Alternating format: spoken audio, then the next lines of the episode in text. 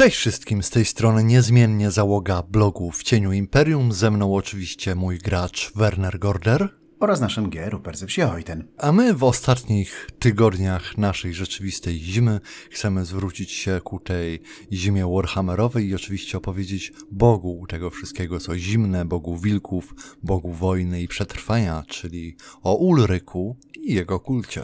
O jego kulcie, o jego kultystach, o wilkach może trochę, ale może zacznijmy od samego początku. Właśnie skąd przyszedł Ulryk, czym się zajmuje, co on uosabia. I dokąd niechybnie zmierza. No cóż, no, Z tym zmierzaniem chyba będzie najprościej, bo zakładam, że kto jak kto, ale Ulryk pewnie zmierza na jakieś pole bitwy.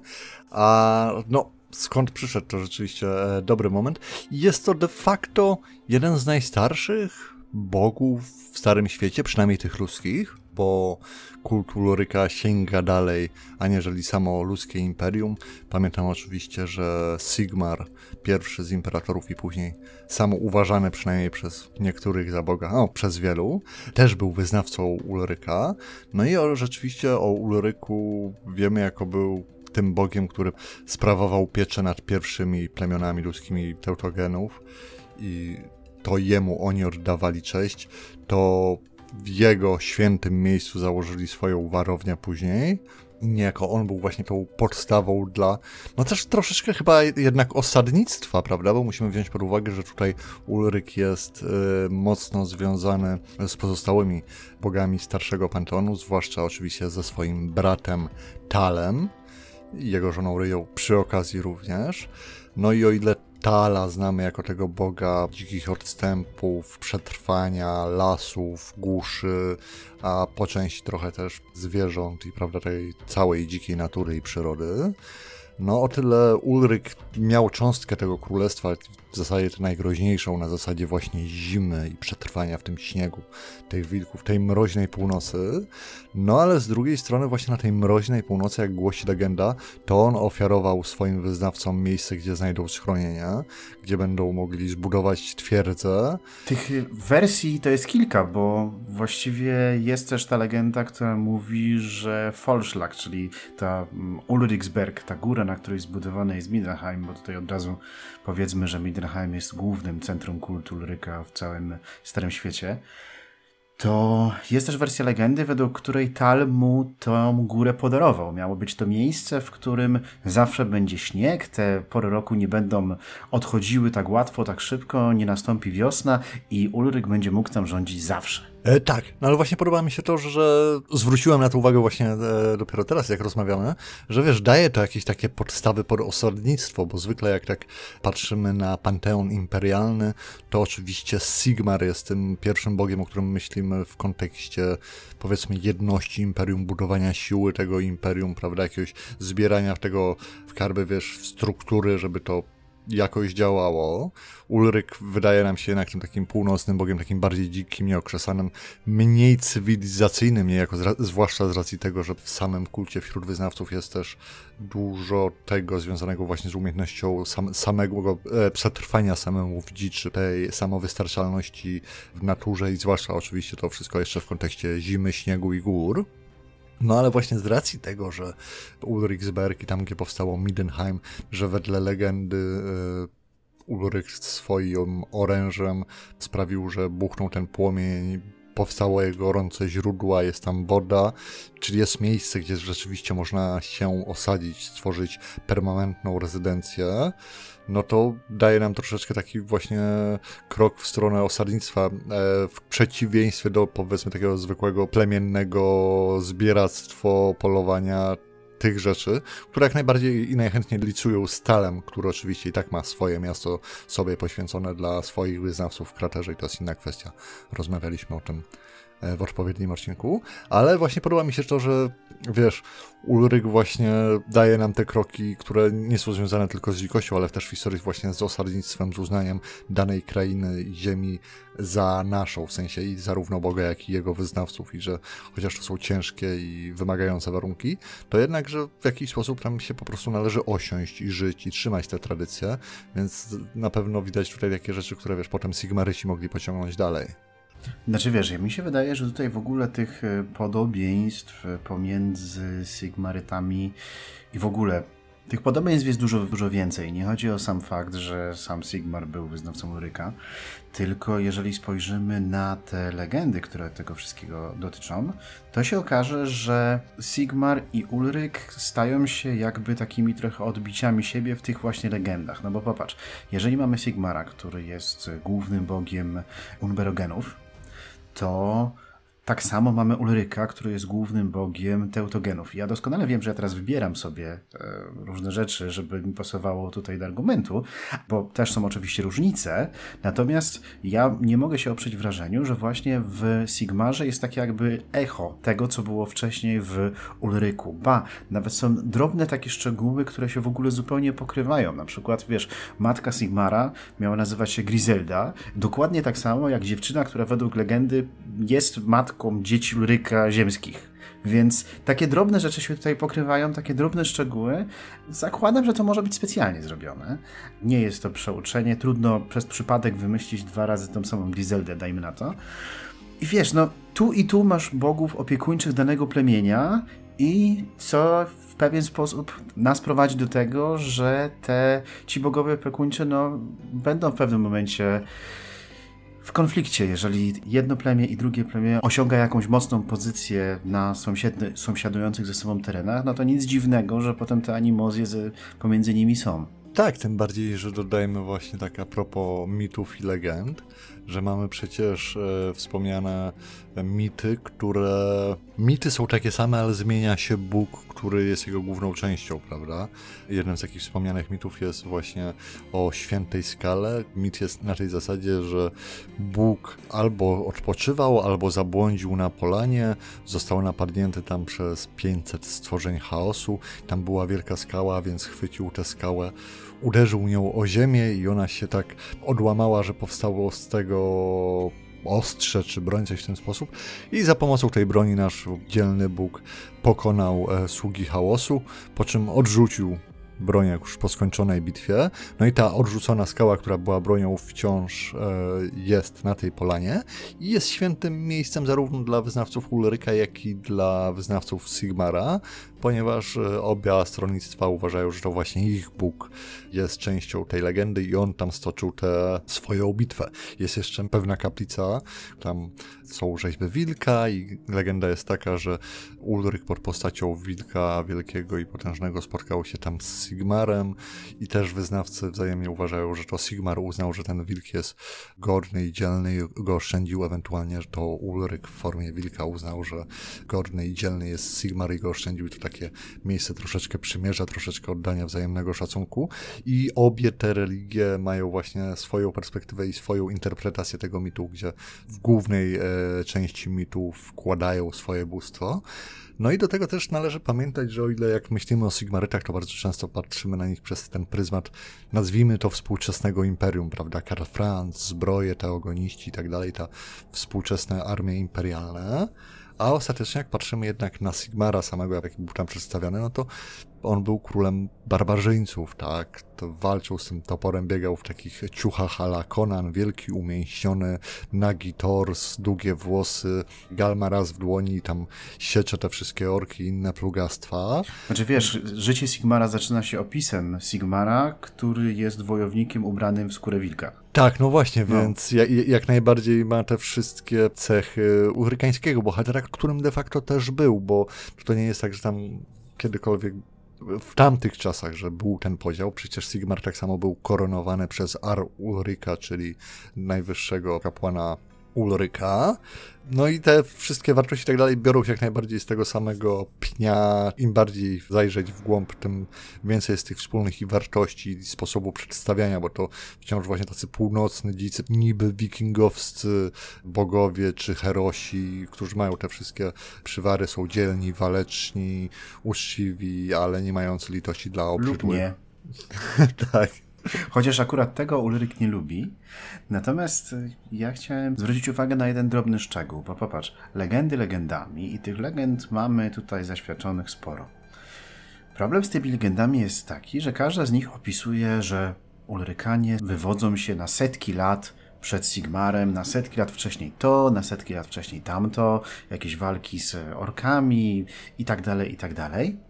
Natomiast jeżeli dochodzimy do konkretów, do momentów, w którym mamy zaświadczone już jakieś konkretne daty, konkretne organizacje, które powstają, to okazuje się nam, że kult Ulryka, taki sformalizowany, taki jaki dzisiaj jest obecny w całej północnej części imperium, to jego formalne początki tak naprawdę są tylko o 10 lat wcześniejsze niż formalne początki kultu Sigmara. To znaczy mamy Ar Ulryka Wulkana, który w roku 63 kalendarza Imperium ma wizję, według której właśnie objawia mu się Ulryk i sprzedaje mu te wszystkie informacje na temat tego, że ten ogień Ulryka i że to jest legenda i że to on i tak dalej, i tak dalej. W związku z czym on inicjuje budowę najwyższej świątyni Ulryka właśnie na Ulriksbergu, na Falschlagu, dookoła tego płomienia. I to jest tylko 10 lat wcześniej niż Hellsturm zaczyna budować pierwszą świątynię Sigmara w wtedy Reikdorfie. Więc wiesz, te organizacje same w sobie, całkowicie ziemskie, bez legend, bez niczego, one są praktycznie w tym samym wieku. To nie jest tak, że jedna jest dużo starsza od drugiej. No to prawda, chociaż też trzeba, wiesz, oddać jednak sprawiedliwość Ulrykanom, że zanim te wszystkie ich mity i legendy zostały w jakiś sposób zapisane, no to na pewno trwały w tradycjach oralnych. No tak, to... ale jeżeli mieszkamy na górze, z której bucha taki płomień, bo tu trzeba bardzo ważną rzecz powiedzieć. W Middenheim właśnie naprawdę bucha taki płomień, to w mechanice jest, zdaje się, miejsce, w którym objawia się Gyran. To jest taki focus point linii magicznych. Tam pojawia się Gyran i to jest właśnie uznawane za płomień Uryka. I to tam buchało od setek lat. I jeżeli dopiero w 63 roku przychodzi komuś do głowy, kto mieszka od setek lat w tej okolicy, żeby tam zbudować jakąś świątynię, no to coś mi tutaj nie pasuje, po prostu, wiesz, ludzie mają tendencję w sobie samym do tego, żeby coś tak, tak, tak dziwne rzeczy, wiesz, masz płomień buchający z kamienia na wielkiej płaskiej górze, nie zbudowałbyś tam świątynię? Wiesz, no ja bym ja, zbudował dużo wcześniej. Ja w tym wszystkim, co słyszę, to głównie słyszę herezję. Ach, oczywiście, że tak. No, nie dochodźmy do osobistych przytyków. Ja wiem, że ty wszędzie słyszysz herezję. Dobrze. Z, te, z, z tej okazji zróbmy krótką przerwę na reklamę. No, a wracając już, e, jak inkwizytorzy i bractwa amerykańskie miały szansę się zapoznać z lokalizacją Wernera. Co e... złego to nie ja. tak. To znaczy, to prawda jest właśnie, że jak się na to spojrzy, to wygląda na to, że jak się zaczęło wykuwać Imperium, to już po-sigmaryckie, w sensie jak zabrakło Sigmara, żeby, który to, prawda, wcześniej, no de facto trzymał wszystkich zapyski tyle. To zaczęły pojawiać się różne lokalne centra władzy, które zaczęły tak, próbować to zaadoptować Dokładnie. na swoje potrzeby, co brzmi jak najbardziej sensowne. Nie wiem, na ile to autorzy Warhammera tak, wiesz, przemyśleli i tak zrobili, a na ile to rzeczywiście po prostu fajnie wynika. No i rzeczywiście ten rozłam między kościołami Ulryka i Sigmara przez kolejne stulecia i tysiąclecia, no tak naprawdę tylko narastał, tak? Wiadomo, miał różne fazy. Oczywiście potem dochodzimy do czasu Trzech Imperatorów, czyli takiego najbardziej znanego i największego rozłamu w Imperium, przynajmniej jeżeli chodzi o to, jak dobrze jest opisany i znany nam wszystkim e, w ramach lore Warhammera. No ale nawet w klasycznej linii tego Warhammera, w którego gramy teraz w wersji czwartoedycyjnej, no to właśnie te tarcia na polu religijnym między Ulrykanami a Sigmarytami są jedną z takich ważnych osi tego, jak świat działa i dlaczego różne rzeczy się dzieją, bo rzeczywiście to nigdy nie zostało ostatecznie skonsolidowane. I mamy właśnie tego Sigmara, który ma być tym przewodnim bóstwem Imperium, a jednak są ci starzy bogowie, i tutaj też trzeba zwrócić jednak uwagę na to, że co by o Ulryku i jego kulcie nie mówić, to oni też u podstaw mają troszeczkę podział jakby tej władzy, w sensie wydaje mi się, że z perspektywy Sigmarytów wszystkie inne bóstwa i kulty są albo niepotrzebne w ostatecznym rozrachunku, albo należy im tam oddać jakieś poszczególne poletki, ale wciąż to, wiesz, powinno być troszkę na swój sposób służebne wobec głównej przewodniej idei, jaką jest Imperium Sigmar i cała ta reszta. Podczas gdy no jednak władza Ulryka w jego domenie jest bezdyskusyjna, o tyle jak najbardziej jest to uznawane i to jest część całego tego mitu, że są inne domeny, Ulryk ma swych braci, prawda, ma innych bogów, z którymi wspólnie jakby dzierży pieczę nad światem i tak jak właśnie wilki, zima i wojna są jego, no tak morze, sztormy i burze spadają na barki Manana, tak właśnie dzikie odstępy, lasy, bory, tego typu rzeczy spadają z kolei na barki Tala, więc myślę, że to też jest ważny aspekt tego wszystkiego, jak bardzo jednak Sigmar na swój sposób troszeczkę ciąży ku takiemu monoteizmowi, podczas gdy Ulryk jak najbardziej jest częścią, wiesz, jednak spójnego panteonu w jakiś tam sposób, który e, ma rozparcelowane te strefy wpływów. Mniej lub bardziej wiadomo, że to się wszystko zmienia w ramach lokacji, historii, różne nasilenia lokalne tego typu sprawy, no ale jednak jest jako, jakoś to bardziej rozłożone na różne centra władzy, moim zdaniem. To jest jeden aspekt, a drugim aspektem jest to, co jest w ogóle tematem, myślę, na osobny odcinek, czyli kwestia właśnie tej herezji sigmaryckiej lub herezji ulrykańskiej, że są takie frakcje i w jednym, i w drugim kulcie, które uważają, że albo Sigmar nie był Bogiem, tylko po prostu błogosławioną duszą kultu Ulryka, a drudzy uważają, że to, co tam ci mówią, to jest herezją, trzeba ich spalić i na to się jeszcze nakłada polityka. To jest w ogóle naprawdę całkiem osobny temat, moim zdaniem. Natomiast może więcej byśmy przeszli do kwestii tego, jak ten kult Ulryka faktycznie dzisiaj wygląda, bo to też jest myślę bardzo ciekawe. Jak najbardziej zresztą wypadałoby nam, jak chcemy rozmawiać o kulcie Ulryka, to powiedzieć o takich sprawach. E, no i chyba wypadałoby też zacząć nam od samej góry, w sensie już na początku tutaj wspomnieliśmy, że rzeczywiście głównym e, miejscem, główna świątynia Ulryka znajduje się właśnie w Middenheim. Otacza ten magiczny płomień, który bierze się z ziemi, dzięki oczywiście błogosławieństwu Ulryka, a nie jakimś tam... E, Wiatrom magii, czy tak. innym bramą chaosu. Nie, nie, nie. Tak, nie, nie. W, w żadnym wypadku. I o ile jest to główna świątynia, gdzie właśnie mamy Ar Ulryka, czyli najwyższego kapłana Ulryka, o którym trzeba przypomnieć, że też jest pełnoprawnym elektorem, czyli ma ten głos elektorski, Plus jeszcze kapelanem na dworze grafa Midenheim, to też z automatu. Tak, i tutaj z grafem e, Midenheim też będzie ciekawie, ponieważ właśnie zarówno linia władców Midenheim, tam były zmieniające się dynastie, jednak e, których e, znamy zapewne właśnie z większości edycji Warhammera, przez wiele lat byli jedną z tych rodzin, która jak nie była na szczycie władzy, to była zaraz obok tego szczytu. No i oczywiście te wszystkie szlacheckie rodziny świeckie, które sprawowały władzę na tych terenach, miały troszeczkę pod górkę z tym, aby nie powstała kolejna konkurencyjna linia biorąca się właśnie od Ar Ulryka, gdzie ten tytuł też mógł przychodzić de facto z ojca na syna, czy jakoś tam po rodzinie te pozycje w kościele, żeby było rozdawane i żeby była konsolidacja władzy.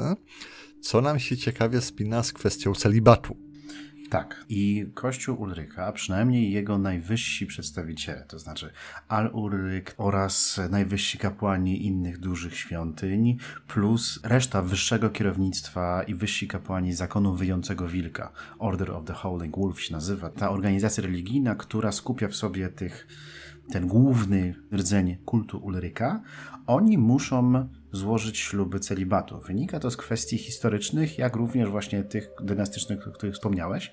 Natomiast wymóc na nich to można było dopiero właśnie w czasie trzech cesarzy. W roku 1547, kiedy po 200 prawie latach od momentu, kiedy główną siedzibę kultu Ulryka przeniesiono do Talabheim z powodów różnych politycznych, kult Ulryka mógł wrócić do Winterheim, no ale pod warunkiem, że ci najwyżsi stopniem właśnie jego przedstawiciele będą składali śluby czystości i celibat będą utrzymywać. Co ciekawe, nie dotyczy to w żaden sposób na przykład szefostwa zakonu Białego Wilka. Ja to w ogóle się zastanawiam, jak to z praktycznej kwestii wychodzi, bo rzeczywiście celibat jest od jakiegoś szczebla, tak? Trzeba być relatywnie wysoko w kulcie Ulryka, żeby to miało znaczenie. Zaczynam się zastanawiać, jak to jest, jeżeli, wiesz, jesteś w kulcie Ulryka, ale nisko, więc masz, powiedzmy, żonę i czy istnieje opcja rozwodu po to, żeby pójść dalej w karierze, czy po prostu z założenia nie jesteś brany pod uwagę, czy wiesz, to się zmieni, jakbyś nagle został wdowcem, bo... Zupełnie przypadkiem wypadła przez okno, tak? No, wilki ją zjadły w lesie, no wiesz jak jest. Wiesz, musiał, moim zdaniem musiałbyś zapytać o to Emila Valgeira, który w pewnym momencie będzie, to zależy od tego, w którym roku obecnie gracie, natomiast w pewnym momencie będzie Ar Ulrykiem i on, będąc wcześniej wielkim mistrzem zakonu Białego Wilka, miał co najmniej dwóch synów.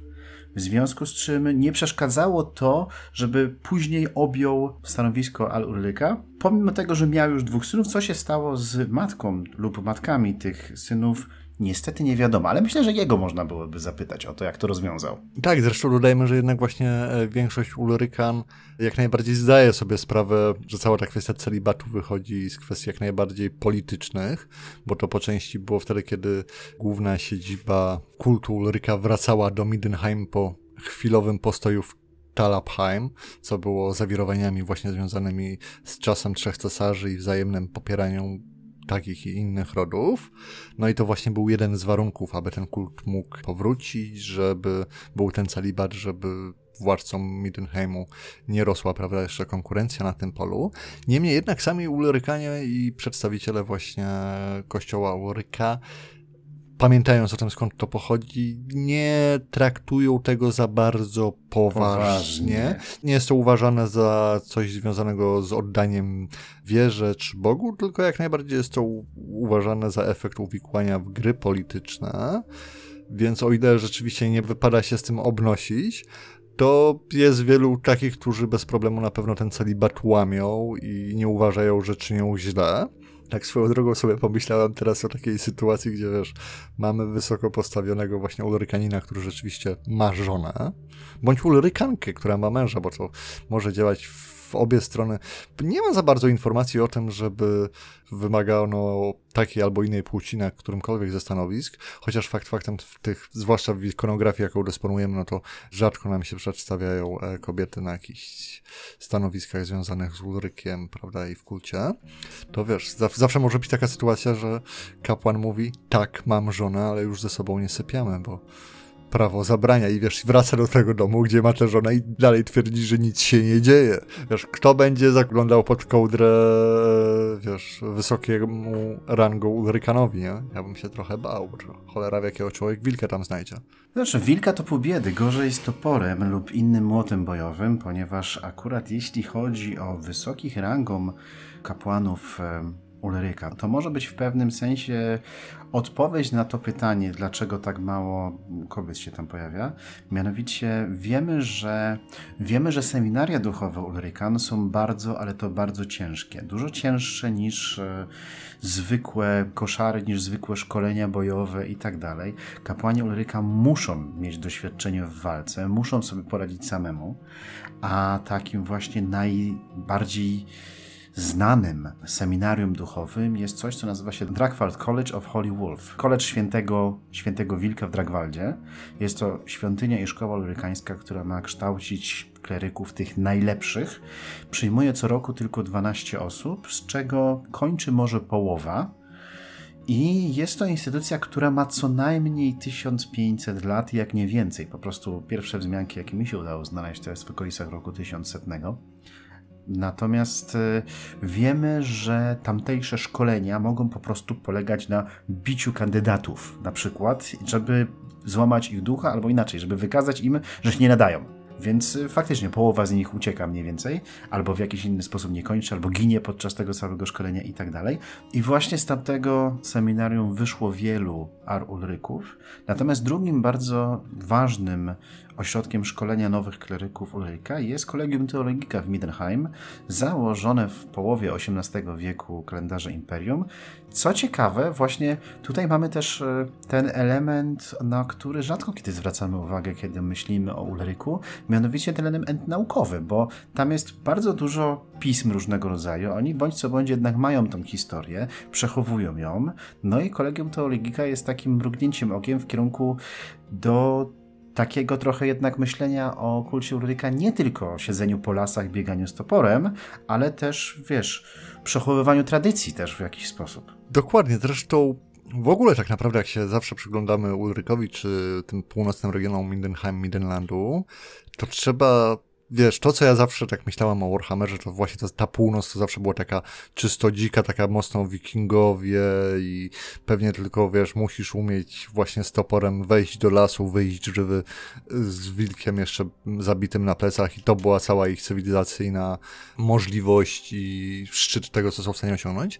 Ale rzeczywiście im bardziej się czyta zarówno właśnie tych krainach, jak i o kościele Ulryka, no to jednak się okazuje, że to nie jest prawda, bo Pomijając to, co wspomniałeś, w jednym z dodatków w kompanionie do Szarej Eminencji, który notabene wreszcie niebawem się pojawi po polsku dzięki Copernicus Corporation, mamy wspomnianych kilka ważnych postaci z historii kultu Ulryka.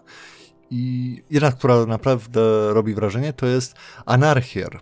Jest to ktoś, kto był e, czarodziejem e, bursztynowym, czyli tego gór, wiatru bestii, który mhm. się zapisał jako e, właśnie znany Ulrykanin, który wciąż jest przez wielu Ulrykan traktowany jako ktoś, kto rzeczywiście dowodził swoim życiem i uczynkami tego, jak bardzo był oddany ideom związanymi z Ulrykanami. On jak najbardziej był praktykującym, wierzącym Ulrykaninem, więc Wiesz, no niedużo mam takich informacji w kontekście czarodziei wielbiących Sigmara, a Ulrykanie tutaj jak najbardziej, wiesz, pomijając już, że w Midenheim jest osobna szkoła magii z długimi tradycjami, całe te krainy były jednak dużo bardziej pozytywnie nastawione do użytkowników magii jeszcze przed Teklisem.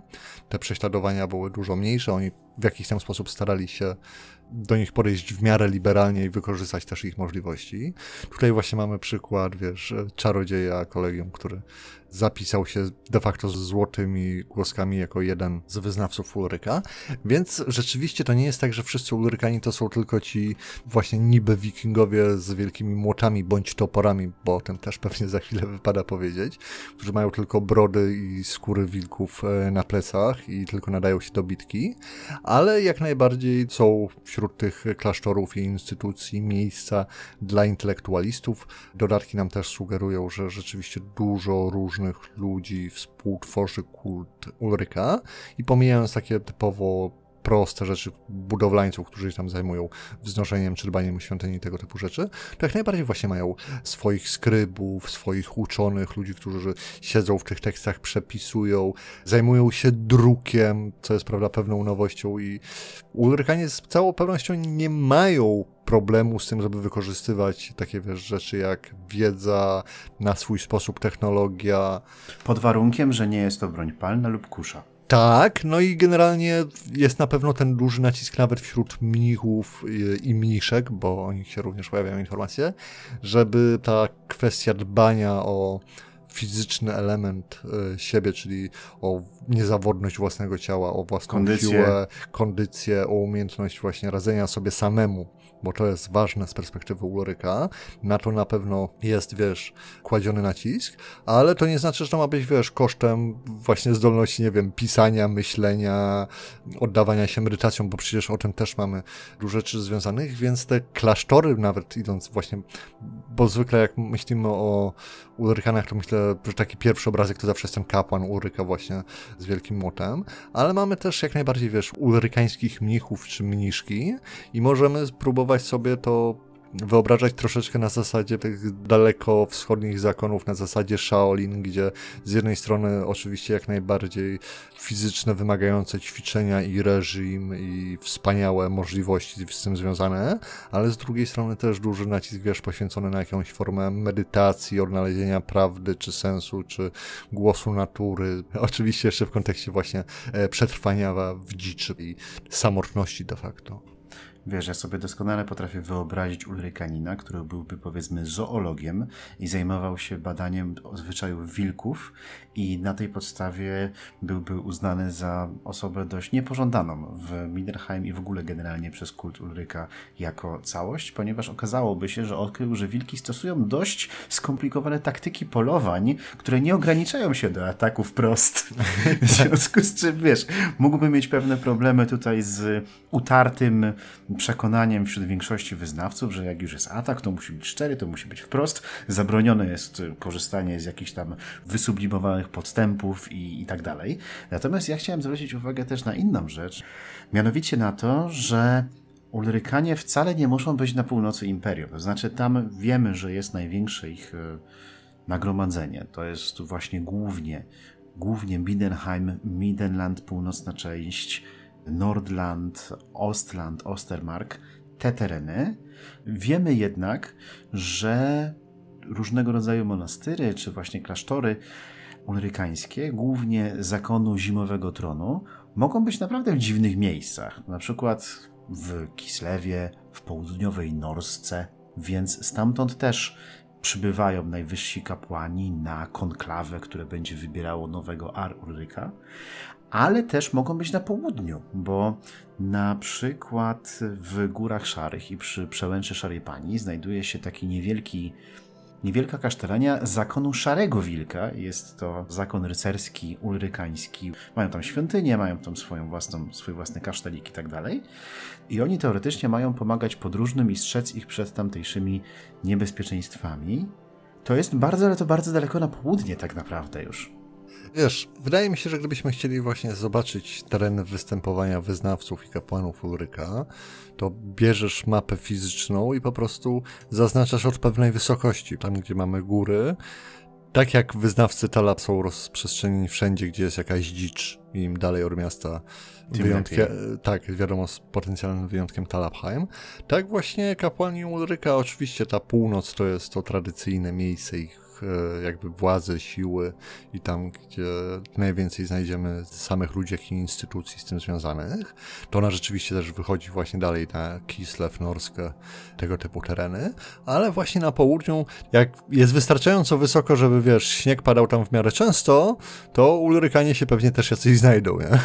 Gotowo to być. Co też jest fajnym pretekstem do tego, żeby właśnie naszych graczy, czy to jako właśnie ich postaci, żeby mieli pretekst pojawić się gdzie indziej niż tylko w okolicach e, północnego imperium.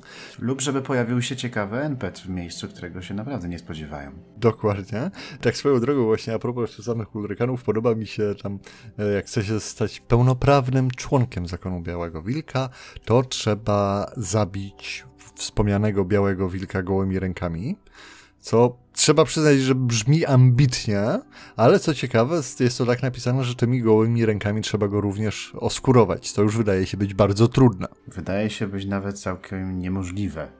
Chyba, że masz bardzo długie i twarde paznokcie. Albo zęby. Ja... Albo zęby, tak. Nie wiem w sumie, jak to praktycznie się odbywa, ale no, było, nie było. Ulrykanie muszą być troszeczkę bardziej niż, wiesz, ci zwykli mięccy sigmaryccy kapłani, którzy tam przecież nawet nie zabijają białych wilków wręcz. Tak swoją drogą właśnie a propos tego podziału między dwoma kościołami, to fajne jest to, że no, bronią Ulrykan domyślną jest oczywiście młot bojowy, co w zasadzie ma sens, że bo Sigmar też takim walczył jako Ulrykanin, no ale Sigmar młotodzierżca, Sigmar ryci, no i też walczą młotami, no i Ulrykanie tak samo, ale jest odosobniona grupa, która się nazywa Bractwo Topora, która rzeczywiście właśnie jakby odróżnia się tym, że nie walczą tymi młotami, tylko toporami. Zresztą tutaj jeszcze tak myślę, że powoli będziemy kończyć, bo już trochę rozmawiamy, ale trzeba dodać, że i w samym zakonie Ulryka